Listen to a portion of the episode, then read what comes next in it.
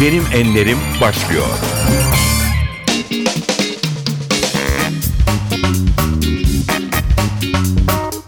NTV Radyo'nun Benim Enlerim programına hoş geldiniz. Ben Aynur Altunkaş. Bugün de stüdyomuzda çok değerli bir konuğumuz var. 22. ve 23. dönem İstanbul Milletvekili Sayın Lokman Ayva. Devletin varlığı ve bağımsızlığını, vatanın ve milletin bölünmez bütünlüğünü, milletin kayıtsız ve şartsız egemenliğini koruyacağıma, büyük Türk milleti önünde namusum ve şerefim üzerine and içerim. Efendim hoş geldiniz. Hoş bulduk efendim. Sizinki inanılmaz bir başarı öyküsü. Çocukken geçirdiğiniz bir hastalık sonucu görme yetinizi kaybettiniz.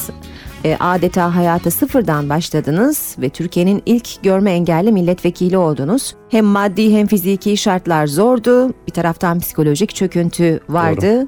Ama müthiş bir azim aynı zamanda ve bununla beraber yakaladığınız inanılmaz bir kariyer. Bu mucizeyi konuşalım önce ya da şöyle soralım bu bir mucize midir? Ben de dinleyicilerimize sevgilerimi göndermek istiyorum. Bize ayıracakları vakti ben iyi değerlendirme anlamında katkımızın olmasını çok isterdim. Anlamlı bir zaman geçirmeleri noktasında. Şimdi burada ben şey neyi keşfettim biliyor musunuz Aynur Hanım? Ya Ne? imkansızlıkların sunduğu bir imkanın farkı, farkına vardım. Evet. Yani şöyle düşünün. Bir ceviz düşünün. Cevizi sert o kabuğunu kırınca içinde bir başka tatlı güzellik var. Evet. İşte şimdi bu hakikaten e, körlük olsun, topallık, özürlülük neyse bunlar zor bir şey. Ben işte bu özürlülüğüm sayesinde sadece cevizin sert kısmına çarpıp kalmadım. Cevizin kabuklarının arkasındaki o tada da ulaşabildim. Ne demek istiyorum? Şöyle realist olmak lazım. Şimdi biz fakir bir aileydik. Anam ırgatlık yapardı. Babam işte e, temizlik işçisiydi devlet su işlerinde falan. Şimdi benim o şartlarda gözüm görüyor olunca yapacağım iş belliydi. Yani sosyal çevrenin sunduğu size bir şey var. Şartlar var. Evet. Yani o yol haritasını izlemek zorundasınız. Evet. Siz yani zorundasınız derken mecburen öyle yapıyorsunuz. Başka alternatifleriniz oluşmuyor. Ne yapacaktım? Ya bir çıraklık yapacaktım. Belki usta olursam e, dükkan açacaktım. Belki tarlada çalışacaktım. Belki inşaatta çalışacaktım. Veya işte en fazla ortaokul liseye kadar okuyabilecektim. Çünkü benim bulunduğum çevredeki arkadaşlarım hepsi bu yol haritasını izlemek durumunda kaldılar. Şimdi ben körlüğümün sayesinde düşünme fırsatı işte çok radyo dinleme hastalığım oradan gelir.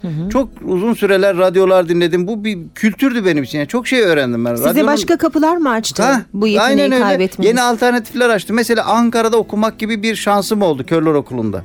Yani bir vizyon oluşturuyorsunuz. İmkansızlıklardan doğan bir imkanım oldu. Başka bir şey söyleyeyim. Üniversitede başka bir şansım yaver gitti. Üniversitede parasızdım. Her zaman olduğu gibi. Şimdi Üniversite demişken bu arada çok önemli bir üniversite Boğaziçi Ha, Üniversitesi. Boğaziçi Üniversitesi'nde gittim fakat param yok. Şimdi arkadaşlar diyor ki hadi Lokman gel bebeğe gidelim çay içelim kahvaltı yapalım falan. İyi de para yok. Her zaman da başkasına ısmarlatmak bize Evet. ayıp yani inciniyorsunuz. Evet. Ben ne diyordum yalan da söyleyemiyorsunuz. E, ders çalışacağım ders çalışmam lazım lazım falan diyorsunuz. O yüzden benim adım şeye çıkmıştı. 24 saat çalışan adam diye. Sürekli bir yerlere gitmemek için ders çalışıyorum. Evet. Zaten gidemiyorum. Evet. E, vakit geçirmek için en büyük eğlencem derste. O yüzden iki yıllık bir e, hazırlık programını yarım yılda bitirmiştim. Yani e, parasızlığında çok tadını çıkardım. Körlüğünde tadını çıkardım. imkanlarından faydalandım. Burhan Kuzu Anayasa Komisyonu Başkanımız Lokman diyor ben senin gördüğüne inanıyorum ama numara yapıyorsun. Neden yapıyorsun diyor. Vallahi hocam geçim dünyası. Aynen. Peki tabii ilk zamanlar derin bir ümitsizliğe de e, sebep olmuş e, Evet. görme e, yeteneğinizi yani intihar dönemin durumuna yaklaştım. Yani o da bir dibe vuruştu. Yani basket topunu ne kadar hızla vurursanız zemin o kadar yükselir ya. Evet. O kadar dibe indikten sonra hızlı yükselişe geçiyorsunuz. Bu hangi yaşlarda oluyor? Ee, 14 13-14 yaşlarında oldu. Yeni işte kör olduğum yıllarda mahallemizde bir kıza işte çocukluk şeyiyle duygularıyla aşık oldum. Kız yüzümüze bakmıyor. Tabii öyle bir aklımızdan geçirebiliyoruz. Platonik takılıyoruz. Ondan sonra hiçbir işe yaramıyorsun. Ondan yani annem babam bir yere gidecekler mutlaka evde birisi senin için bekliyor. Herkesin bir kaygısı durumundasın. Bütün aile e, ekonomik olarak hastalıklarım yüzünden perişan olmuş falan iyice. Diyordum ki ya kendi kendime ben niye yaşıyorum ki dedim yani. Niye bu oksijeni tüketiyorum? Anlatabildim mi? Evet, evet, yani bir de evet. oksijen tüketerek vatandaşlara, insanlara zarar veriyorum. Hiç olmasa daha fazla oksijen Ay kullansın yaşayanlar falan diye. Bu kadar çevreci Orada bile mizah anlayışınızı kaybetmemişsiniz. Ee, Ondan sonra yani ne oldu? Yani bir de ümidiniz kalmıyor Aynur Hanım. Yani Evet. bugünle yarın arasında hiçbir şeyiniz değişmiyor. Yani en dibe vurduğum an diyebilirim. Hani program enlerimde en dibe vurduğum bir an. Ama sonra Peki sonra çıkışınız nasıl oldu? e, sonra yine radyo sayesinde oldu. Bir radyo programına kulaklar çınlasın mehpareçilik sunuyordu Evet. o zaman. Mektup attık. E, Ailemden gizli olarak. Ailem benim okuyabileceğime inanmıyor. Hatta okumam noktasında da karşı çıkıyorlar komşulardan korktukları için. Hani sakat bir çocuklar vardı başlarından attılar. Hmm. Ki annem babam bize o kadar düşkündür ki bizim için bütün hayatlarını değiştirirler yani. Hı hı. Ama bu lafı da duymak ağırlarına gideceğinden bunun için e, istemediler. Sonra biz gizli bir mektup yazdık. Sonra beni Ankara'dan resmi işte yazıyla falan çağırınca öylece Hayatınız değişti. oldu. Evet. Peki o noktadan sonrasını birazdan konuşuruz ama e, şimdi bir müzik arası vermemiz lazım. Konuklarımızın seçtiği şarkıları çalıyoruz. Ha, İlk- bu burada e, herhalde en iyi giden ne ağlarsın benim zülfü siyahım. evet çok güzel bir Türküsü iyi türküdür. gider diye. Peki zevkle dinliyoruz. Az sonra yine birlikteyiz. Tabii.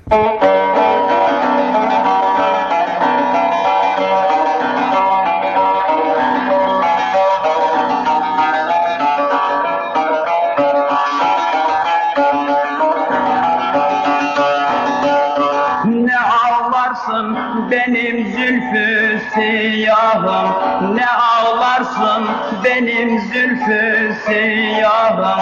Bu da gelir bu da geçer ağlama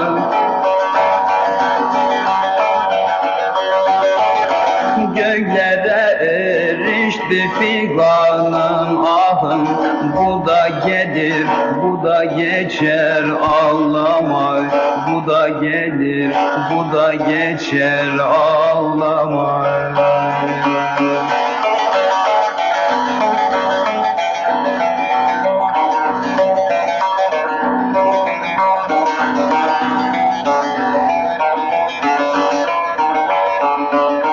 NTV Radyo Bir gülün çevresi dikendir, kardır. Bir gülün çevresi dikendir, kardır. Bülbül kar elinden ahine zardır.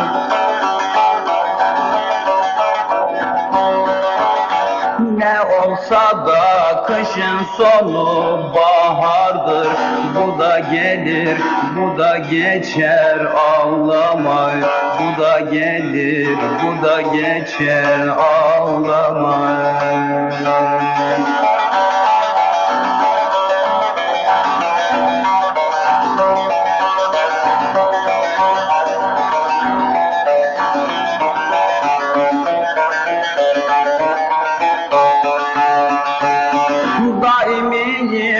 her can ermez bu sıra. Daimiyim her can ermez bu sıra. Gerçek kamil olan yeter o nura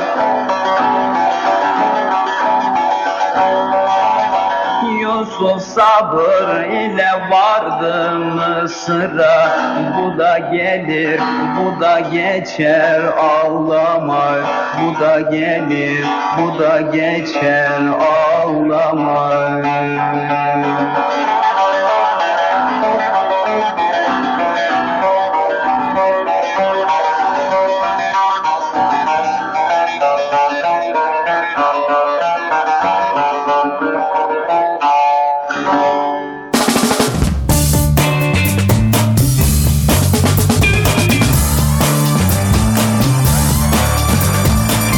Benim Enlerim.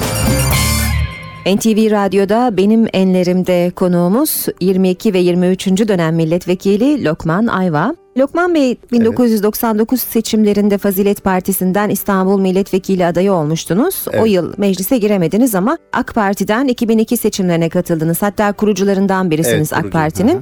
E, o andan itibaren de iki dönem milletvekilliği yaptınız. Evet. E, gerçi o ana kadar da hep e, örgütlü görme engelli hareketi içinde Tabii. yer almışsınız. Siyasete bu alanda daha çok iş yapmak için mi girdiniz? Şimdi siyasete şundan dolayı e, girdim. sivil toplum kuruluşu olarak yapabileceğiniz şeyler vardır. Yapıyorsunuz, yapıyorsunuz, yapıyorsunuz. Fakat bir yere geliyorsunuz, denizin bittiğini hissediyorsunuz. Deniz bitti artık, daha fazla ileri gidemiyorsunuz. Ondan sonra inip karadan yürümeniz lazım. Yani sivil toplum hareketi de geliyorum, bankalarda sorun yaşıyorum. Efendim şeye, kanuna y- o kadar sert çarpıyorsun ki bütün vücudun kemiklerin kırılıyor. Hı hı. Bu arada Beyaz Ay'dan bahsetmek gerekir Türkiye değil mi Beyaz Ay? Derneği tabii onun kurucusu ve uzun dönem başkan şu anda da halen genel başkanlığını yapıyorum. Çeşitli kuruluşlarda Türkiye Köyler Federasyonu'nda Fiziksel Engeller Vakfı, işte Alman Türkiyevi Derneği, e, Güney Asya Stratejik Araştırmalar Merkezi böyle birçok sivil toplum e, kuruluşunda da Aktif görev olarak yapıyorum. rol aldınız evet. Hala yapıyorsunuz. Hala yapıyorum bütün bunlara. Göre Fiziksel Engeller Vakfı'nda da yönetim kurulu üyesi mesela. Bütün bunlarla ilgili çalışmalarım devam ediyor. Ben işin doğrusu devletten ziyade sivil toplumun daha belirleyici olduğunu, olması gerektiğini, özellikle de önümüzdeki yıllarda esas kurumsallaşmanın sivil toplumda olacağını düşünüyorum ve vatandaşlarımıza da herkesin en az birkaç dernekte, vakıfta görev almalarını kesinlikle öneriyorum. Şimdi dolayısıyla siyasete girdik. Sonra anladım ki siyaset aslında farklı bir arena, farklı bir tecrübe istiyor, farklı bir e, ilişkiler ağı var, farklı bir iş yapma yöntemleri var filan. O anlamda çok değişik bir yöntem. Bir de benim tabii şöyle bir kaybım veya e, geç başlama durumum oldu. Kör bir milletvekili daha önce olmadığı için onun tecrübelerinden yararlanamıyorum. Yani her şeyi baştan aşağı kendim bulmak zorundayım. Yani seçmenle ilişkiler nasıl yürütülür? Bir kör Evet. birisi olarak nasıl yürütürüm? Mesela gören birisi olsanız bu belli.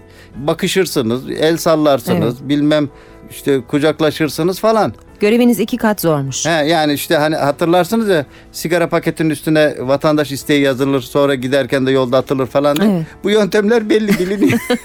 Bende öyle yöntemler yok. Anımsatıcılar sürekli her gün yüzlerce vatandaşımızın bilgilerini aktarıyor. Tabii bizde e, işin doğrusu şu noktadaydım ben siyasette de.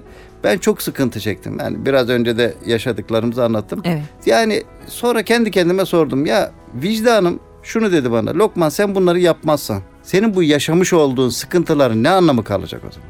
Evet. Aynı şeyler devam edecekse. Sıkıntılar da yaşadığım sıkıntılar da benim milletvekili döneminde önüme bir hedef koymuş oldu. Bir misyon oluşturmuş oldu. Onun da karını gördük. O anlamda baştan aşağı bir yöntem bulması, oy kullanma yöntemi mesela nasıl kullanacağım ben? Elektronik oylamayı nasıl yapacağım? İş, işari oylar nasıl yapılacak? Gizli oylamayı nasıl yapacağım? Bütün bunlar bürokratlarla ilişkiler, bakanlarla ilişkiler. Mesela Sizin için bir prosedür mü oluşturuldu? İlk yani işte bunların hepsini icat etmek zorunda kaldık. Mesela şöyle düşünün. Mecliste söz alma vardır. Yani şahsı adına konuşma vardır. Siz talep edersiniz. Gören birisi orada hemen iki satır yaz yazar başkana verir. Siz şahs adına söz talep etmiş Evet. olursunuz. Ben ne yapıyordum? Ben bu durumu işte birkaç ay bu şeyleri yaşayınca oturduk danışmanlı arkadaşlarımla bir planlama yaptık. Şimdi biz kanunlar meclise girişinden itibaren takibe başladık. Hangi madde benim bizimle ilgilidir? Benim ilgi alanlarım işte özürler, sivil toplum kuruluşları, sosyal konular, yaşlar, kadınlar, çevre. Bunlar benim ilgi alanlarıma giriyor. Bir de elektronikte organizasyon şeyleri. O anlamda bu kanunları takip etmeye başlıyorduk. Bu takip ettiğimiz kanunlarda benim söz almam gereken hususlar olursa kanun genel kurulda görüşülmeye başlamadan söz taleplerimin hepsini diziyordum. Dolayısıyla tekrar söz isteme şeyim kalmıyordu. Biraz hani zor oluyor ama daha sistematik çalışmayı gerektirdi. Evet. Bu da ayrıca bir avantaj oldu bizim için. Evet. Daha sistematik çalıştık yani. Ee, yemin etme konusunda bir zorluk yaşadınız Mesela o da bir sıkıntı. Yani herkesin normal gidiyorlar, yemin ediyorlar falan. Bir baktım yemin merasimleri meclisin en çok izlenen Evet. reytingi en yüksek olduğu Öyle gerçekten saatler. de. Değil mi? Yani niye o izlenir ben de anlamış değilim. Herkes aynı cümleler söylüyor. Hatta şey denir. Ya bizim milletvekili daha güzel yemin etti Evet. falan.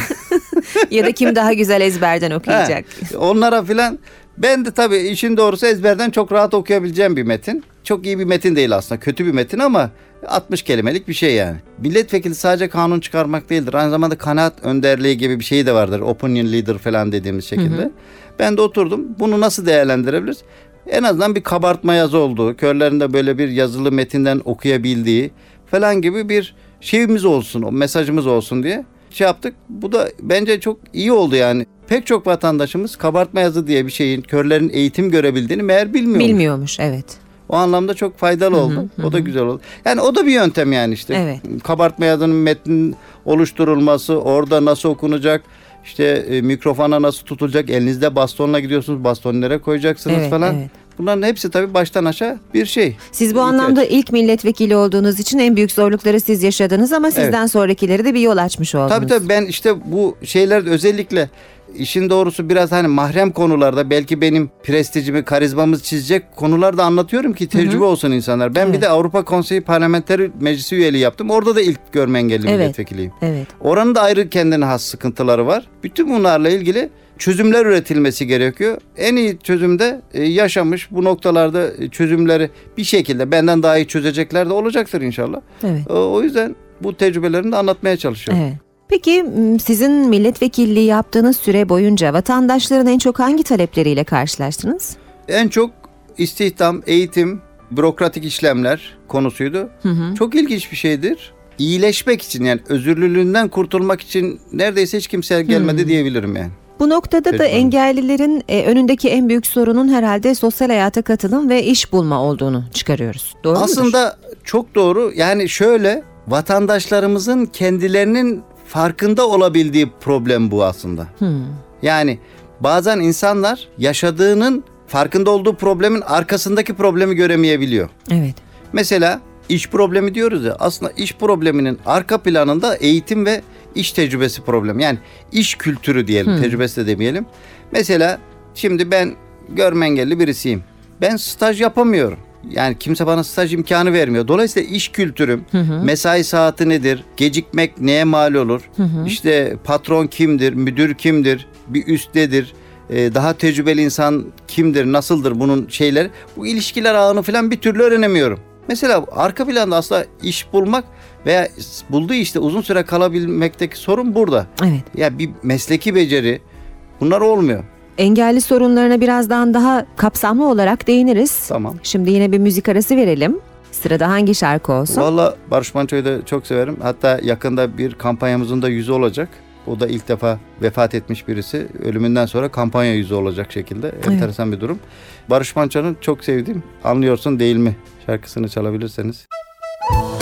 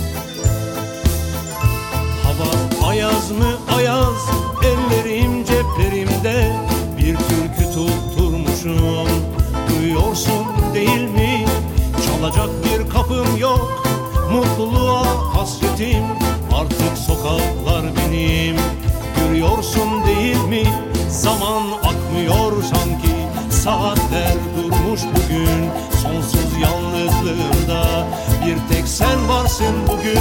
Ya dön bana artık Duyuyor musun beni?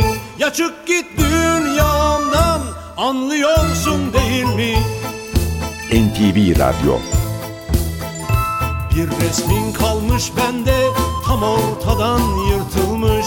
Hani siyah kazaklı biliyorsun değil mi?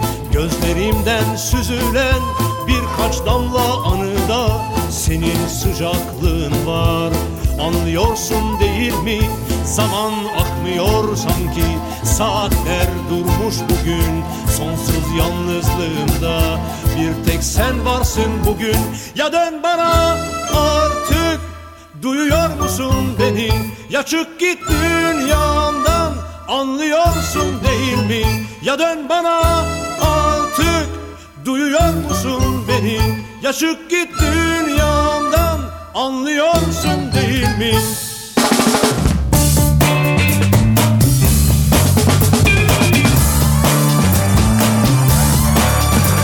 Benim Enlerim devam ediyor.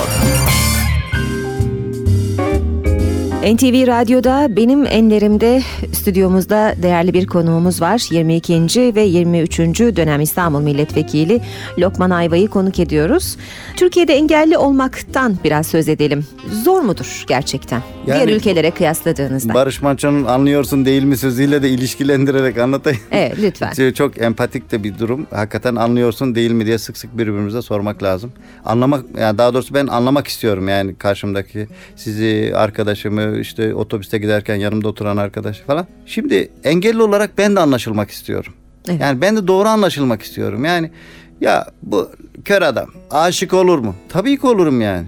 İşte bu adam işte lüks, konfora ihtiyacı var mıdır? Hava atmak ister mi? Tabii ki atmak isterim. Ben ben de insanım yani. Evet. Her şeyiyle yani eğitim görmezsem kaba davranırım. E işte ahlak zafiyetlerim varsa hırsızlık yaparım. Anlatabildim mi? Yani özürlü birey de herhangi bir insan gibi e, dir ve e, doğru anlaşılması lazım.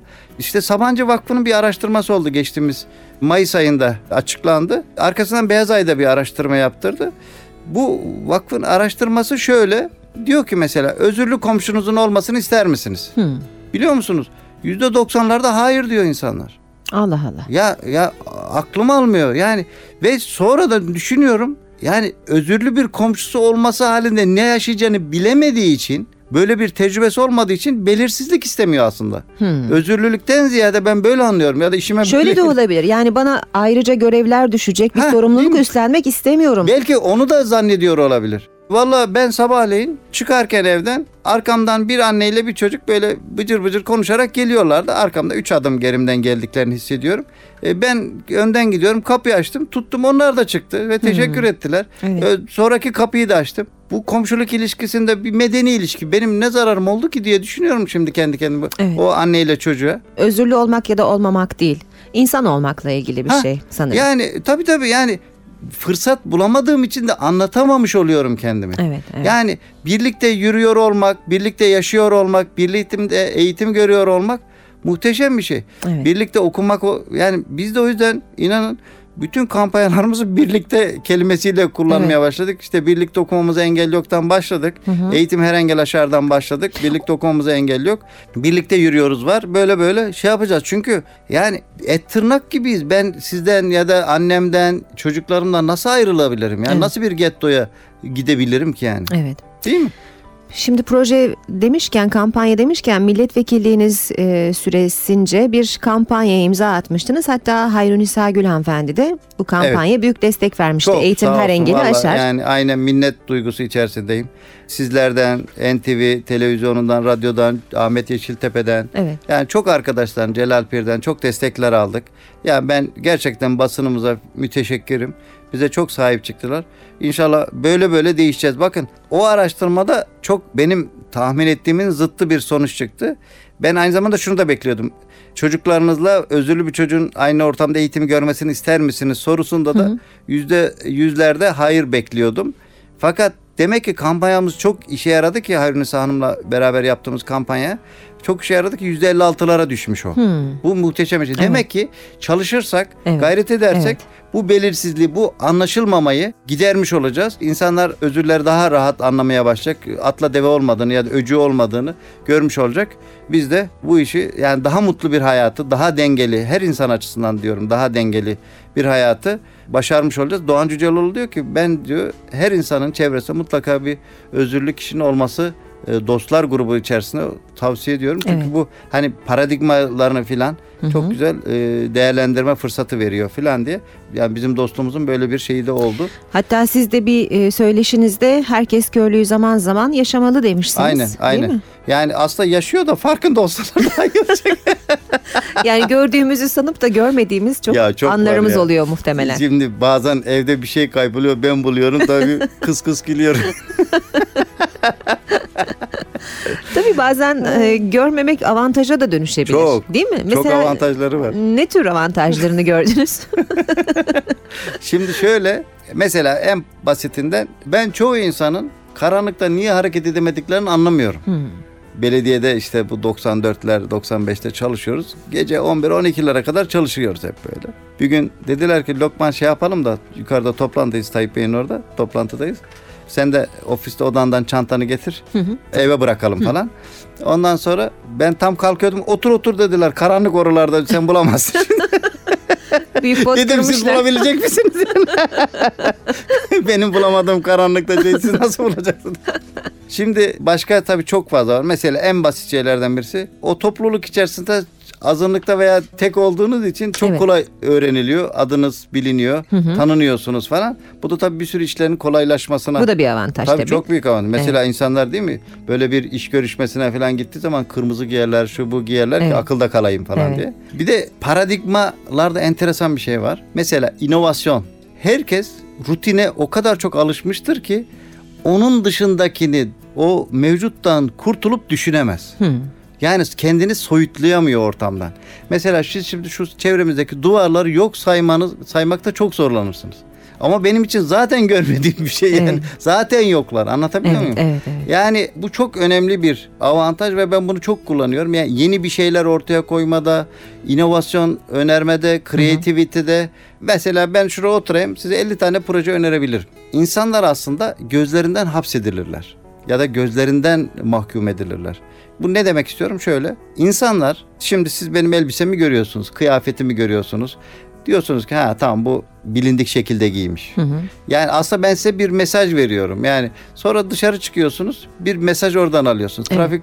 Trafik tabelasından, reklam tabela, billboardlardan, Evet. işte arabanızın şekli şemali. Yani bütün bunlar aslında sizin hayatınızı belirliyor. Ve bunu da sizi gözünüzden etkileyerek yapıyorlar. Başka bir şansları sınır, yok. bir çerçeve çiziyor galiba. Ha, bir çerçeve çiziyor ve sizin onun dışına çıkmanıza müsaade etmiyorlar. Evet, Yani onların hepsi de zaten görülmek istiyor. evet. Yani o anlamda sizi belirlemek, sizi yönetmek istiyorlar. Çok önemli şeyler Yani çok söylüyorsunuz. önemli bir şey. O anlamda ben bunların hepsinden bağımsızım. zaman zaman gören insanlar için üzüldüğüm oluyor. Hay Allah. Peki çok güzel bir noktada ara verelim o zaman. Güzel Evet. bir şarkıyla seçtiğiniz güzel bir şarkıyla Ben, devam edeceğiz. e, hüzünlü, biraz hüzün falan da duyguları yaşatan, kendisi de görme engelli bir bestekar olan Rodrigo'dan bir bölüm çalabilirseniz gitar, Gitar konçertosu- konçertosundan, e, evet. iyi olur yani ve Rodrigo'nun niye bu mahzun, hüzünlü besteyi yaptığını da anlamış oluruz bu sohbetten sonra Evet.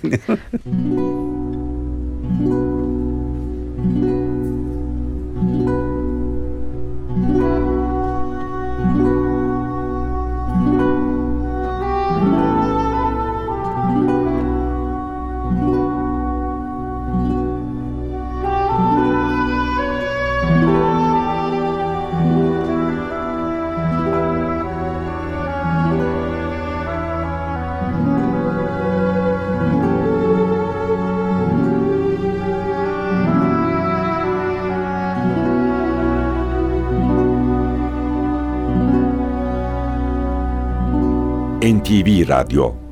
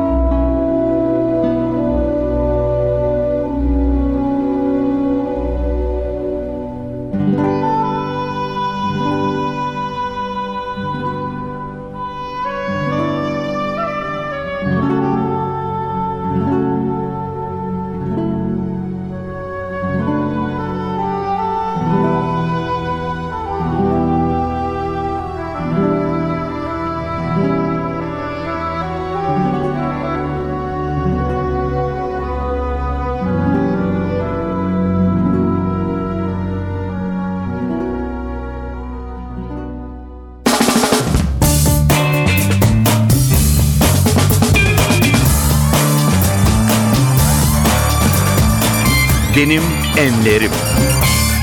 Benim enlerimde NTV Radyo'da konuğumuz 22. ve 23. dönem İstanbul Milletvekili Lokman Ayva. Lokman Bey Türkiye'de engelliler için rol model olduğunuzu düşünüyor musunuz? Zaman zaman olduğumu düşünüyorum ve bu benim sorumluluğumu da arttırıyor. Yani davranışlarımı aslında bir nevi sınırlandırıyor da e, rahat hareket etmemi de engelliyor. Orada da şöyle bir gerekçe bularak şimdi ben doğal olmazsam, doğal hareket etmezsem içimde gerçekte olmayan bir lokmanın rol modeli ol- olmuş olacağını düşünüyorum. Bu rol model olmayı da kendim için bir onur sayarken bir de vazife olduğunu da düşünüyorum. Çünkü hakikaten çok tecrübe yaşadım. Yani işte bakanlar kuruluyla oturup sohbet ettiğim çok önemli insanlardan çok tecrübeler, bir sürü profesörlerden. Mesela ben bu tanışmamızın, e, bu görüşmemizin zenginleşerek çıkıyorum. Evet, E, Bu zenginleşmeyi de insanlara aktarmam gerektiğini düşünüyorum. Böyle bir vazifem olduğunu düşünüyorum. O anlamda bir rol modellik var. Hatta bunu da şöyle örneklendirebilirim. Bir gün Buyurun. bir haberler izliyorum. İki tane görme engelli gençle liseye giden çocuklar röportaj yapıyorlar. Diyor ki çocuk işte biz büyüyünce okuyacağız. Milletvekili olacağız Lokman Ayva gibi falan. Aslında diyor onu da geçip bakan olacağız falan diyorlar. ben de dedim o kadar kolaydı o iş. Siz bakan olmak istemediniz mi ya da öyle bir durumla Şöyle, karşılaştınız ben mı? aslında şimdi de baktım ki gerek bakanlık gerek milletvekili benimle ilgili olarak benim alanımı daraltan şeyler. Yani şimdi bakanlık çok zor bir şey. Milletvekili de çok zor bir şey. Mesela geçen de sabaha doğru uyandım. Televizyona bir bakayım dedim. Meclis şey televizyon diyorum internette hala açık. Dörtte gitti arkadaşlar. Şimdi bu çok kolay bir iş değil. Değil evet evet. Yani başka sorunlar var. Eşiniz anlayamayabiliyor. Çocuklarınız anlamıyor. Bakanlık bunun beş katı daha zor. Ama benim en büyük şansım, tesellim, avantajım benim çok sevdiğim insanlar ve benden kaliteli insanlar bakan oluyorlar. O yüzden de o arkadaşlarla onların bakan olması beni çok mutlu ediyor. Hem de beni rahatlatıyor. Çünkü onların nimetlerinden yararlanıyorum. Evet. Zahmetlerine katlanmamış oluyorum. Gözünüzün açılması e, için hiç çaba sarf etmediğiniz doğru mu? Doğru. E, neden yapmadınız? Yani görüp de ne yapacağım ki? Dünyanın kaç bıçağını göreyim daha. Şimdi şöyle yani işin doğrusu şu. Ben görme kabiliyetini kaybettikten sonra gördüğüm dönemden daha iyi şartlarda yaşadım. Birincisi bu. İkincisi burada bir misyonum var benim. Görsem misyonum yani kör arkadaşlara inandırıcı olamayacağım. E, özürlere inandırıcı olamayacağım. Yani ben anneye babaya, özürlü çocuğu olan anneye babaya da kızabiliyorum şu anda. Ama ö- öbür türlü olsa di- diyor ki anne baba, e sen öyle bir şeysin bizi rencide ediyorsun falan filan diyecek. Ama ben perde arkası önünde e, yaşıyorum ve bu katlanmaya değer bir şey eğer özürlülük bir sorunsa. Benim için çok şey değiştirmeyecek. Hayatıma bir artısı olmayacak. O yüzden de niye yorulayım ki diyorum. Peki gördüğünüz günlerden hafızanızda en çok ne kaldı? körlükten sonra perspektifin görenler için önemli bir şey olduğunu fark ettim. Yani onu e, yaşıyorum. Yüz simalar var kalan. İşte eski sanatçılardan işte Barış Manço'dur, Cem Karaca'dır, Zeki Müren'dir, işte siyasetçilerden Sayın Demirel, Erbakan rahmetli, Alparslan Türk hepsini hatırlıyorum. Renkli televizyon yoktu ama renkli sinemaları hatırlıyorum. Ondan sonra benim şu anda hani görüyor olarak özlediğim bir tablo manzara şu. Onu hala zaman zaman görmek isterim şahsen. Böyle tarlalarda ortada buğday, kenarları sınırları belirleyen yerde yeşil çim vardır. Evet. Onların arasında da böyle papatyalar, beyazlı, gelincikler E, falan. gelincikler evet. He, bunların hepsi o tabloyu. Bir de Konya'da haşhaş olur. Onun da bu, bu işte ne diyelim 80-100 santim yüksekliğinde tepesinde de böyle beyaz bir çiçek olur. Zaman zaman e, mor çiçekler çiçekli de olur. O da muhteşem bir manzaradır. Şöyle sabah 10 sularında o tabloyu görmek isterdim. Öz- yani tekrar. özlediğiniz bir tablo. Evet. Hayatta en çok neye şükredersiniz? Valla hayatta en çok hakikati, gerçeği arıyor olmak, onun kaygısında olma, bilincinde olduğuma şükrediyorum gerçekten. Engelliler için ya da bu memleket için bir şeyler yapmadığınız e, anlarınızda kendiniz ve aileniz için neler yaparsınız? Kendim ve ailem için mesela bir konu araştırmak, ortalığı toparlamak, çocuklarımın yatağını düzeltmek, hoşuma gider. İşte çamaşırları toplamak. ne iyi babasınız öyle. yani onları toplamak, sabah erken kalktığım zaman hani çayı koymak kahvaltı için. Onlar hoşuma gidiyor. Sonra çocuklar ders çalıştırmak. Bir de beraber kahvaltı yaparken onlara tecrübelerimi, fık- anlatmak, fıkralar anlatmak çok hoşuma gidiyor. Onların da hoşuna gidiyor. Dinlemek istiyorlar. O kadar yoğunsunuz ki bu anlar sizin için altın değerinde herhalde. Ay, Hem de nasıl Evet. yani o kadar tadını çıkarıyorum ki o son şeyine kadar hani ne, ne derler? Ee, Son anına kadar mı? Son artık kalorisi mi diyelim, damlası Hmm. mı diyelim her şeyinin böyle tadını çıkarmaya çalışıyorum. Son soru. Görenler neleri görmüyor, neleri duymuyor sizce? Bence çok çok önemli bir şeyin farkında değil görenler. Gerçeği görmenin gerçek görmek olduğunu farkında değiller. Yani yüzeylere, fiziklere, cisimlere takılıp kalıyorlar. Bence en önemli şey hayatta gerçeği görmek. O da gözle olmuyor maalesef. Göz araçlardan birisi ama tek yöntem değil. O anlamda ben şahsen bütün dinleyicilerimizin hayatlarında bu konuşmadan sonra ne aklımızda kalsın Lokman isterdin derseler dinleyicilerimiz valla gerçeğin kaygısını sürekli hissetmeleri, sürekli gerçeğin peşinde olmalarını çok isterdim. Yani bu cümle kalsın yeter. yani. Benim bu sözler üzerine söyleyecek hiçbir şeyim olmamalı zaten bu noktada. Çok teşekkür ederim. bir şarkıyla veda edeceğiz. Son şarkı ne olacak? Valla aslında kalbimi yaktın diye bir şarkı vardı ama bu çok güzel sohbet oldu. Keşke böyle hani bir kadifeden kesesi O da olur. çalsanız daha iyi olur. Kadifeden Oyun sesi havasıyla olsun, neşeli tamam. bırakmış olalım. Lokman Ayva çok teşekkür ederiz. Onur verdiniz konuğumuz olduğunuz için. Çok mutlu ettiniz bizi. Estağfurullah benim. Valla ben çok mutlu oldum. Hem sizin yıllar önce sesinizi duymuş birisi olarak hem dinleyicilerimizle bu şeyleri paylaşma şansı, fırsatı verdiğiniz için hem de ben de bir radyo dinleyicisi olarak sürekli dinledim bu programda. Tahmin etmezdim yani benim de konuk olacağım. Bu duyguyu da yaşattığınız için müteşekkirim. Sağ olun. İnşallah daha nice yıllar hayatımızda olursunuz. İnşallah hep beraber. Benim enlerim e, sona eriyor. Yeni bir programda buluşmak üzere. Hoşçakalın.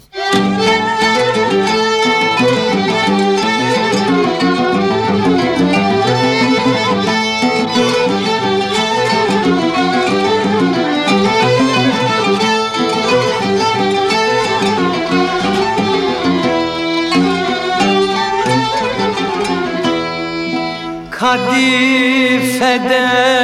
kesesi Kahveden gelir sesi.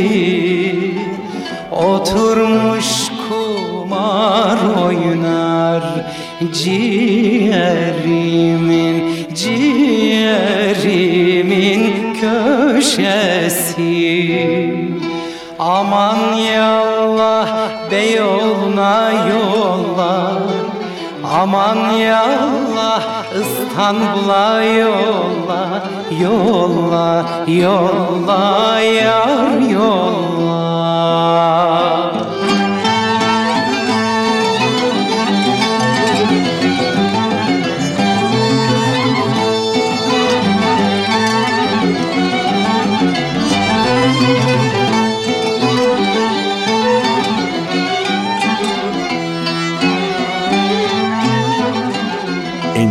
Radyo. Kadife yastım yok Odana bastım yok. Kitaba el basarım Senden başka, senden başka dostum yok. Aman yallah Beyoğlu'na yolla Aman yallah İstanbul'a yolla Yolla, yolla Yar yolla